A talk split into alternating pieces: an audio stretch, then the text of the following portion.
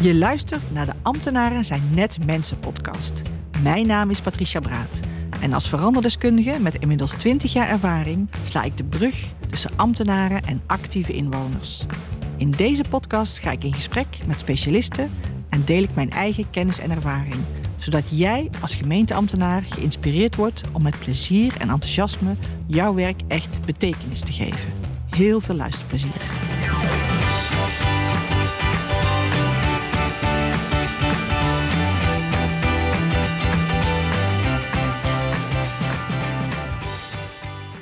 Welkom bij de podcast Ambtenaren zijn net mensen.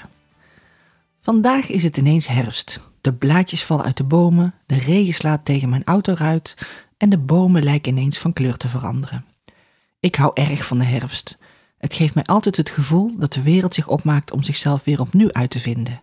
Letterlijk loslaten van het oude en na de rust van de winter weer opnieuw tot leven komen. De herfstgeuren roepen mooie jeugdherinneringen op en het is een heerlijk seizoen om lange wandelingen te maken, als het tenminste niet te hard regent. Maar er is ook de zekerheid dat de bomen over een tijdje weer groene bladeren zullen krijgen, de bloemen weer tevoorschijn zullen komen en we weer kunnen genieten van de zon op een gezellig terras. De zekerheid dat de seizoenen zich zullen afwisselen biedt ook zekerheid en stabiliteit. En ook al worden we door de klimaatverandering de seizoenen steeds minder duidelijk, we leven gelukkig nog niet in een land waar het altijd hetzelfde klimaat is en dat is weer een hele andere discussie waar ik het vandaag niet over wilde hebben. In het begin van mijn carrière zei een van mijn eerste leidinggevenden tegen mij: Je hebt een fundament nodig om ook weer te kunnen bouwen. En daar had hij helemaal gelijk in. In de meeste gevallen betekent een veranderingsproces binnen een organisatie niet dat alles helemaal afgebroken wordt, maar dat er vooral gezocht wordt naar wat er veranderd moet worden om de toekomst weer aan te kunnen. En ook al voelt een reorganisatie soms wel voor de medewerkers dat alles overhoop wordt gegooid, toch blijft er vaak veel van de werkprocessen, systemen en aanpak overeind. Het probleem zit dan ook vaak niet in het uiteindelijke doel van de verandering, maar meer in de manier waarop er met die verandering wordt omgegaan, of anders gezegd, hoe er met de medewerkers wordt omgesprongen. We maken allemaal veranderingen mee in ons leven, niets blijft hetzelfde. Toch hebben de meeste mensen nog steeds het idee dat verandering iets is waar je voor kunt kiezen en wat in veel gevallen per definitie slecht is. De verandering is niet tegen te houden, maar de manier waarop je omgaat met deze verandering heb je wel zelf in de hand.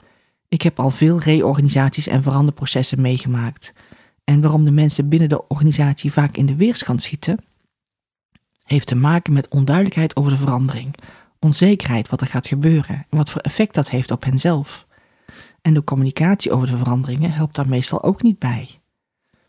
Ik werkte heel wat jaren geleden voor een organisatie die actief was binnen een heel concurrerende markt. De resultaten en cijfers stonden dan ook regelmatig onder druk.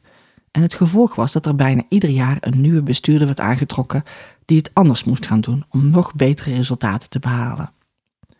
Wanneer zo iemand dan vervolgens de medewerkers probeert mee te nemen in de urgentie van de verandering en de magische woorden spreekt: we moeten het helemaal anders doen, dan voel je in de zaal al de weerstand ontstaan. Naast mij mompelde een collega: Het is toch niet zo dat we alles verkeerd doen? En daarmee kom ik weer terug op de eerdere opmerking dat iedere succesvolle verandering stabiliteit nodig heeft, of met andere woorden een stevig fundament om op te kunnen bouwen. Verandering is niet tegen te houden, maar je kunt de verandering wel opbouwen op datgene wat de organisatie al goed doet. Optimaal gebruik maken van de talenten van de mensen in je organisatie. Onderzoeken welke systemen en werkprocessen nog wel goed functioneren, eventueel met een aanpassing. En dan pas besluiten wat er wel moet veranderen. Stabiliteit bij verandering wordt gecreëerd door drie dingen. Een duidelijke strategie of visie, waartegen je alle nieuwe keuzes kunt toetsen. Het is daarbij belangrijk dat iedereen ook achter deze visie staat en dat de medewerkers zich hierin kunnen herkennen. Idealiter bepaal je de visie dan ook samen met iedereen in je organisatie. Er zijn al heel wat mooie visies bedacht, maar als men daar geen gevoel bij heeft, dan heeft het weinig zin. Ik heb jaren gewerkt in de zorg en in iedere visie van iedere zorgorganisatie staat wel iets als: bij ons staat de cliënt centraal. Voor de medewerkers op de werkvloer voelde dat als vanzelfsprekend. Dus zorgt dat ook niet voor een verandering. Maar als je het gesprek aangaat, wat dat dan voor de organisatie betekent en hoe dat er dan uitziet, dan gaat er wel iets bewegen. Niet alleen bij de medewerkers, maar ook in de werkprocessen en de communicatie bijvoorbeeld. Ten tweede betrek iedereen die met deze verandering te maken krijgt. En als zij onderdeel worden van de oplossing, dan creëer je eigenschap. Ik hou mij veel bezig met verandering van processen in het sociaal domein. En het eerste wat ik altijd check in hoeverre inwoners ook daadwerkelijk worden betrokken bij de verandering. Wat betekent integraal werken en hoe kan de inwoner dat merken bijvoorbeeld? Welke waarden zijn belangrijk voor de inwoners en hoe kunnen ze daar zelf ook aan bijdragen? Ten derde, maak de keuzes die je maakt steeds duidelijk voor iedereen. Communicatie tijdens verandering valt heel veel over te zeggen, dus daar kom ik graag in een andere podcast op terug. Maar het is in ieder geval essentieel om wel steeds opnieuw duidelijkheid te scheppen voor alle betrokkenen. En ik heb mij uiteraard ook schuldig gemaakt aan alle fouten die de managers maken bij veranderprocessen, zoals te laat communiceren, te weinig communiceren en het verkeerde communiceren. Maar ik heb hier wel van geleerd. De reactie die je krijgt op je communicatie geeft meteen ook aan wat je fout hebt gedaan, namelijk. Ik ben met deze podcast begonnen om inspirerende ambtenaren een podium te bieden en zo te laten zien dat er wel degelijk hele mooie ontwikkelingen zijn binnen de overheid. Dat er heel veel ambtenaren zijn die meebewegen met de benodigde veranderingen en openstaan voor vernieuwing en innovatie. In de meeste gevallen betekent dit dat ze ruimte scheppen voor inwoners om zelf mee te kunnen denken over wat er moet gebeuren. Dat er vanuit een duidelijke visie of strategie rondom de benodigde verandering wordt gewerkt, of dat er intern in de organisatie een nieuwe aanpak wordt geïntroduceerd waar de medewerkers zelf mee kunnen ontwikkelen. Bouwen op een stevig fundament dus. En als dit consequent wordt geborgd en verduurzaamd, dan geeft dat succes. Verandering bij de overheid heeft uiteraard nog een paar extra uitdagingen.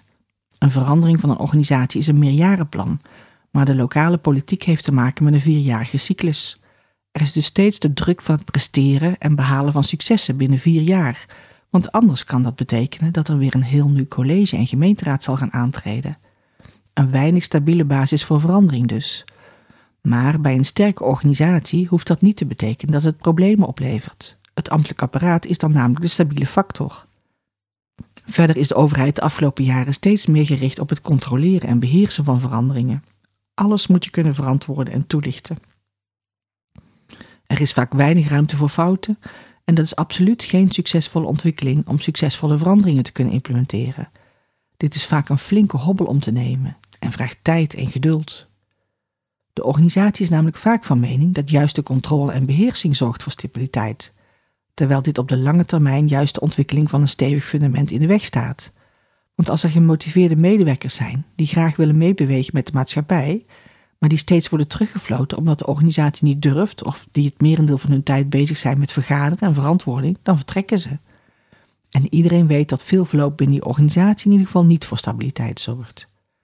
Dus realiseer je dat de mensen uiteindelijk de organisatie maken en zorg voor een stevig fundament door te focussen op talenten en mogelijkheden. Ik wens jullie allemaal veel stabiliteit toe en tot de volgende podcast. Dit was weer een aflevering van de podcast Ambtenaren zijn net mensen. Heel erg bedankt voor het luisteren. Je kunt je abonneren op de podcast via je favoriete podcast-app, zoals bijvoorbeeld Apple Podcast of Spotify. Was het een interessante aflevering voor je? Laat dan een review achter op iTunes of deel de podcast met een collega. Heb je vragen naar aanleiding van de podcast? Neem dan gerust contact met mij op. Tot de volgende podcastaflevering.